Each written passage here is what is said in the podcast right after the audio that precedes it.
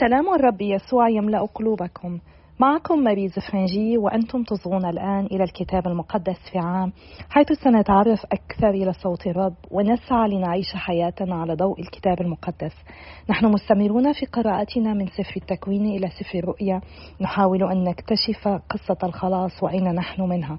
ونستمر باستعمال خريطة القراءة التي استعملها Father Mike Schmitz في ال Bible in a Year وقد وصلنا إلى اليوم المئة والثلاثة والثلاثون. وسنقرأ اليوم الفصل الخامس عشر من صموئيل الثاني والفصلين التاسع عشر والعشرون من الأخبار الأول وسنصلي المزمور الثالث. صموئيل الثاني الفصل الخامس عشر. دسائس أبشالوم.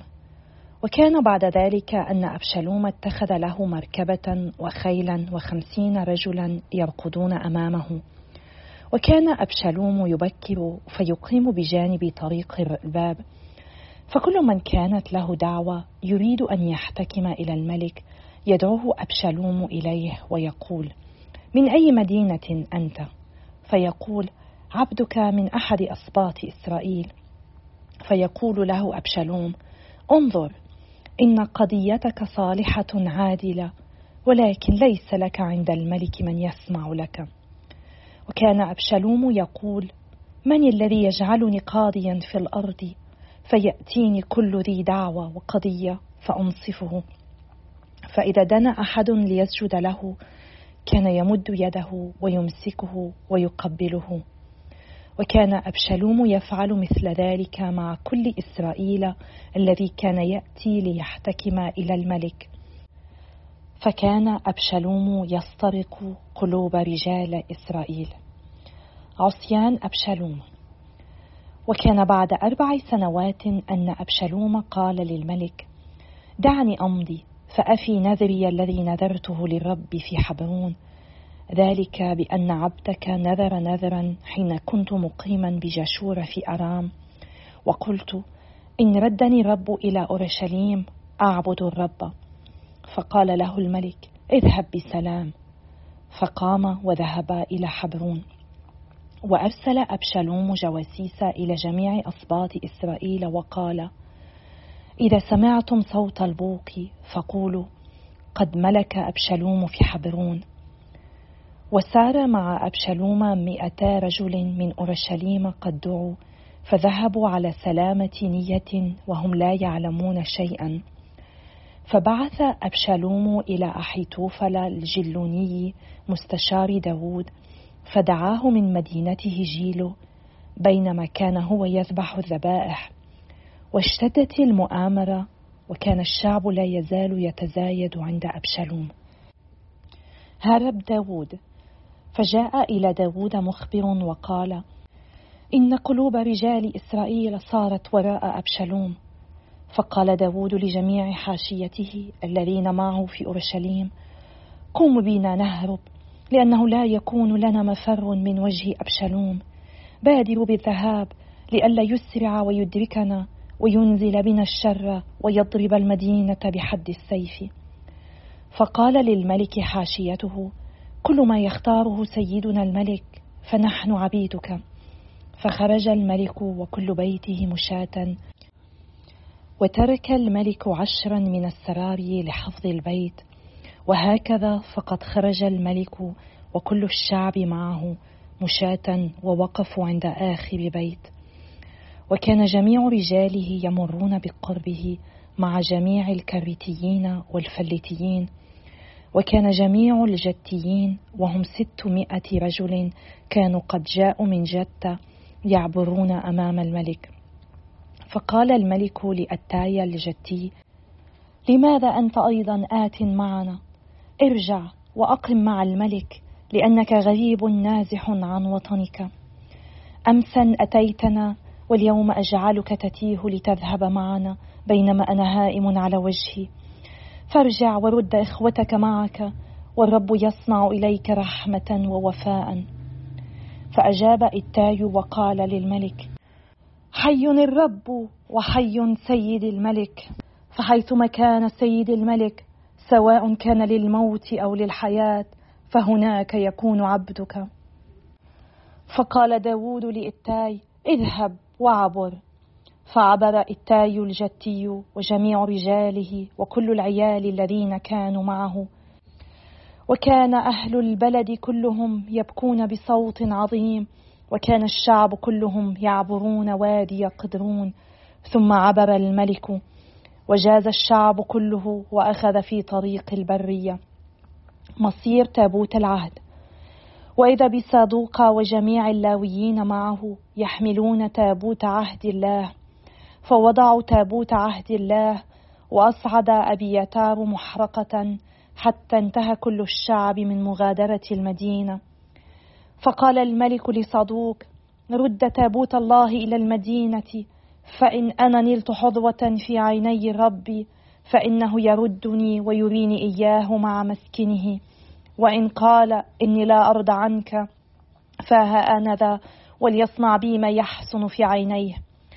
ثم أضاف الملك وقال لصدوق الكاهن ترى الموقف فارجع إلى المدينة بسلام أنت وأحماعص ابنك ويونتان بنو أبي يتار ابناكما معكما. انظروا إني متأخر في معابر البرية حتى يرد علي نبأ منكم. فرجع صادوق وأبيتار بتابوت الله إلى أورشليم وأقاما هناك. داود يحصل على مؤازرة حوشاي. وصعد داود مرتقى الزيتون وكان يصعد باكيا ورأسه مغطى وهو يمشي حافيا.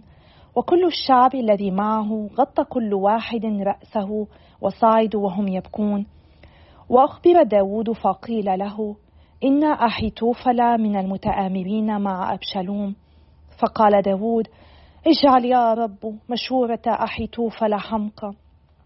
ولما انتهى داود إلى قمة الجبل حيث يسجد لله. إذا بحوشاي الأريكي قد لقيه وثيابه ممزقة وعلى رأسه تراب. فقال له داود إن أنت ذهبت معي كنت علي ثقلا. ولكن إذا رجعت إلى المدينة وقلت لأبشالوم أنا عبدك أيها الملك. وكما كنت عبد أبيك من قبل فالآن أنا عبدك في أنك تبطل لصالح مشورة أحيتوفل أوليس معك هناك صدوق وأبيتار الكاهنان؟ فكل كلمة تسمعها من بيت الملك فأخبر بها صدوق وأبيتار الكاهنين. ومعهما هناك ابناهما أحماعص بنو صدوق ويونتان بنو أبيتار. فترسلون إلي على ألسنتهما كل كلمة تسمعونها. فوصل حشاي صديق داود إلى المدينة وأبشلوم داخل إلى أورشليم. سفر الأخبار الأول الفصل التاسع عشر إهانة رسل داود وكان بعد ذلك أن توفي نحاش ملك بني عمون فملك ابنه مكانه. فقال داود أصنع رحمة إلى حنون بني نحاش لأن أباه صنع رحمة إلي. وأرسل داود رسلا ليعزيه عن أبيه. فوصل رجال داود إلى أرض بني عمون إلى حنون ليعزوه. فقال رؤساء بني عمون لحنون أترى داود يكرم أباك في عينيك حتى أرسل إليك معزين؟ أليس أنه ليفحص الأرض ويقلبها ويتجسسها جاءك رجاله؟ فقبض حنون على رجال داود وحلق لهم وقطع ثيابهم من الوسط إلى أعجازهم ثم صرفهم. فأوتي داود وأخبر بأمر الرجال فأرسل للقائهم لأن الرجال كانوا خجلين جدا. وقال الملك أمكثوا في أريحة حتى تنبت لحاكم ثم ارجعوا. الحملة الأولى على بني عمون. ولما رأى بنو عمون أنهم قد أصبحوا ممقوتين عند داود أرسل حنون وبنو عمون ألف قنطار من الفضة ليستأجروا لهم مركبات وفرسانا من أرامي ما بين النهرين وأرامي معكة ومنصوبة فاستأجروا لهم اثنين وثلاثين ألف مركبة وملك معكة وقومه. فجاءوا وعسكروا تجاه ميدابة واجتمع بنو عمون من مدنهم وجاءوا للقتال. فلما أخبر داود أرسل يؤاب وجيش الأبطال كله فخرج بنو عمون واصطفوا للقتال عند مدخل المدينة والملوك الذين جاءوا كانوا على حدة في الحقول. فرأى يؤاب أن القتال مصوب إليه من الأمام والخلف فاختار قوما من نخبة إسرائيل كلها وصفهم للقاء الأراميين وجعل بقية الجيش تحت يد أبشاي أخيه فاصطفوا للقاء بني عمون. وقال إن قوي علي الأراميون تكون أنت لي نجدة وإن قوي عليك بنو عمون فأنا أنجدك. فتشدد ولنتجلد لأجل شعبنا ولأجل مدن إلهنا وليصنع الرب ما حسن في عينيه. ثم تقدم يؤاب والشعب الذي معه إلى مقابل الأراميين للقتال فانهزموا من وجهه ورأى بنو عمون أن قد انهزم الأراميون فانهزمهم أيضا من وجه أبشاي أخيه ودخلوا المدينة فعاد يؤاب إلى أورشليم. انتصار على الأراميين. فلما رأى الأراميون أنهم قد انكسروا أمام إسرائيل أرسلوا رسلا وأخرجوا الأراميين الذين في عبر النهر إلى القتال وفي مقدمتهم شفاك قائد جيش هدد عازار. وأخبر داود فجمع كل إسرائيل وعبر الأردن وزحف عليهم واصطف إزاءهم. اصطف داود للقاء الأراميين للقتال وحاربوه. فانهزم الأراميون من وجه إسرائيل. وأهلك داود من الأراميين سبعة آلاف مركبة وأربعين ألف راجل. وقتل شفاك قائد الجيش. فلما رأى رعايا هدد عازار أنهم انكسروا أمام إسرائيل صالحوا داود واستعبدوا له. ولم يشأ الأراميون أن يعودوا إلى نجدة بني عمون. الفصل العشرون. الحملة الثانية على بني عمون. ولما كان مدار السنة في وقت خروج الملوك إلى الحرب قاد يؤاب قوى الجيش فأهلك أرض بني عمون وجاء وحاصر رب وأما داود فبقي في أورشليم. فضرب يؤاب ربة وهدمها وأخذ داود تاج ملكام عن رأسه فوجد وزنه قنطارا من الذهب وفيه حجارة كريمة فوضع على رأس داود.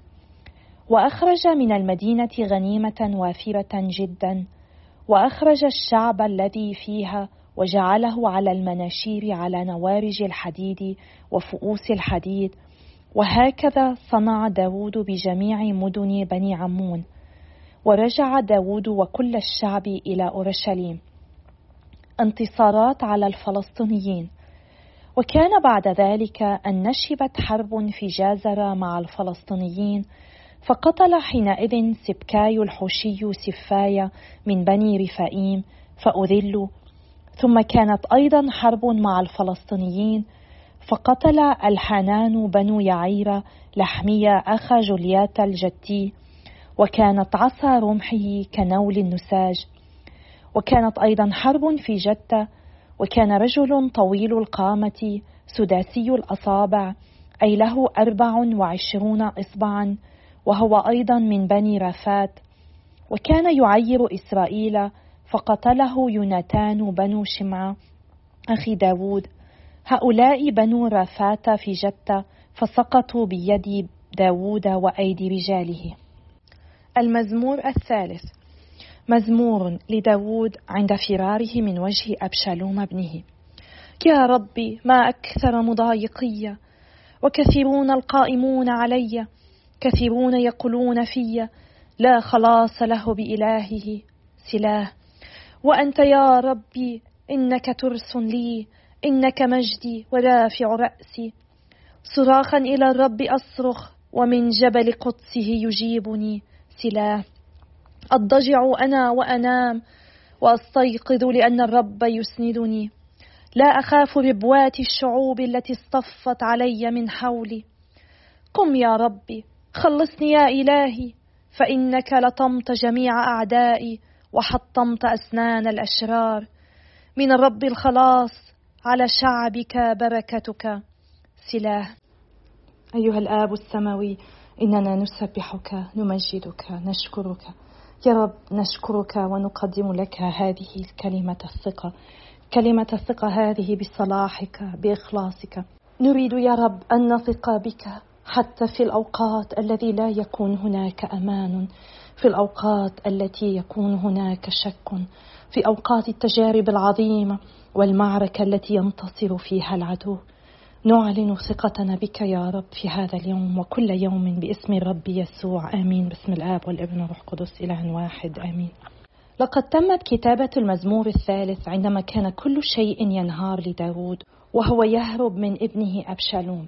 إن داود قد رنم مزامير ثقة سابقا عندما كان متربعا على عرشه ولكننا نراه هنا يظهر ثقته في الله حتى في وسط المعركة ولا ينتظر حتى يتم الفوز بها بل يجدد ويعلن ثقته بالرب.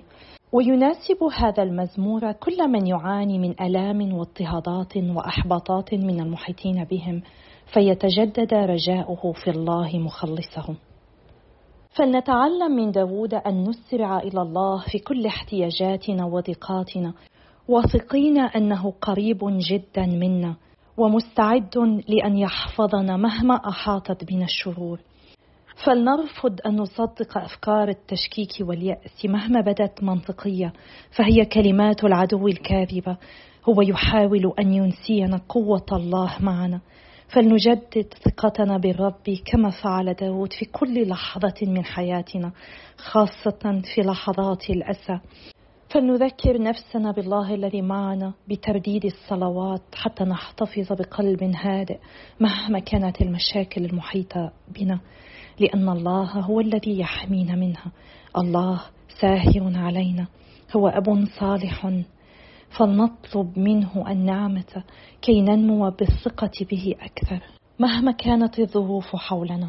في صموئيل الثاني قرأنا اليوم أن أبشالوم جمع الناس في حبرون لمحاربة أبيه وعندما عرف داود بذلك أدرك أن عليه الفرار وسمح للأشخاص بأن يعبروا من أمامه وهم يهربون كي يؤمن على سلامتهم. وبما أن الناس كانوا يدركون خطأ داود وفشله كملك وأب كان على داود أن يتحمل عاره عندما كان يعبر الجميع من أمامه. وفي هذه الأحداث يمكننا أن نرى تصرفا نبيلا من داود هو لا يزال يهتم بشعبه ويريدهم أن يكونوا آمنين رغم كل ضعفه وكل فشله بمعاقبة ابنه أمنون بعد فعلته مع أخته تمار. وسنرى غدا كيف أنه اضطر إلى التواضع أكثر. وقد أظهر داود أيضا ثقة بالرب عندما أمر الكهنة بإعادة تابوت العهد إلى أورشليم. هو فضل أن يبقى التابوت في أورشليم من أن يسير معه. وإن شاء الرب أن يعيد داود إلى ملكه سيمتعه برؤية التابوت مجددا. وإن كان الرب غير راض عنه فليفعل به كما يحسن في عينيه. وهنا يظهر داود مدى اهتمامه بالتابوت حيث ينبغي أن يظل في مكانه ولا يخرج به كما خرج ابنا علي الكاهن في حربهم مع الفلسطينيين حيث هزموا وأخذ الفلسطينيون التابوت. على التابوت أن يثبت في مكانه. أما داود فهو مجرد إنسان إما أن يرضى عنه الله فيعيده إلى ملكه أو لا يعيده لأنه لا يستحق. وهذا اتضاع عظيم من داود ودرس لنا من داود أن نسلم دائما حياتنا للرب حتى تتحقق مشيئته فيها وفق إرادته القدوسة وأن نقبل بكل ما يسمح به الرب لنا ونكون ممتنين له. قرأنا اليوم أيضا أن مستشار داود السابق أخي توفل قد انضم إلى معسكر أبشالوم وعندما عرف ذلك داود صلى إلى الرب أن يبطل مشورته التي قد يشير بها إلى أبشالوم. هنا يظهر صلاح داود إنه لم يطلب شرا لمستشاره الخائن بل فقط إبطال مشورته. نحن ندرك أن داود في كثير من المزامير كان يعبر عن الحسرة في قلبه من هذه الخيانات التي كانت تليه. وهو لم يكن يطلب الشر لهؤلاء الأشخاص. وسنرى غدا أن داود يريد حقا أن يكون ابنه أبشالوم بأمان. هو لم يعبر عن حبه لابنه ولم يظهر له أنه قد غفر له. وهذه فرصة لكل منا أن نتعلم أن نقبل المغفرة وأن نسأل مغفرة الآخر. علينا أن نعبر عن حبنا ومسامحتنا للآخر لأنهم قد لا يدركون أننا قد سامحناهم. وربما شخص ما قد سامحنا لعمل ما ولكننا لم نقبل سماحه. هذه فرصة لكل منا لكي نأخذ هذه الخطوة. إما بأن نقدم المغفرة لأحد ما أو نقبل المغفرة حتى تتم المصالحة. وبهذه الطريقة نستطيع أن نبدأ من جديد أن نرفع رؤوسنا وأن لا نستمر في هذه الكراهية وهذه الأحقاد والمشاعر السلبية التي لا يجب أن يتميز بها المسيحيون. نعم إذا لم نقبل مغفرة أحد ما بعد فلنأخذ اليوم فرصة لنفعل ذلك. إذا كان هناك شخص ما علينا أن نسامحه فلنتواصل معه ولنطلب المصالحة. نحن ندرك أن مشاكل داود مع أبشالوم بدأت كلها بسبب تقاعسه في معاقبة أمنون على ما فعله. فلنطلب من الرب أن يعطينا النعمة لنقوم بما يجب علينا أن نقوم به عندما يجب علينا أن نقوم به. ولنستمر بالصلاة من أجل بعضنا البعض كي نستطيع أن نغفر لغيرنا وأن نقبل مغفرة الآخر. نحن بحاجة إلى هذه النعمة بحاجة إلى أن ننقي قلوبنا من أي ضغينة من أي حقد وعدم قدرة على المغفرة. فلنصلي من أجل بعضنا البعض دائما وإلى اللقاء غدا يوم آخر إن شاء الله.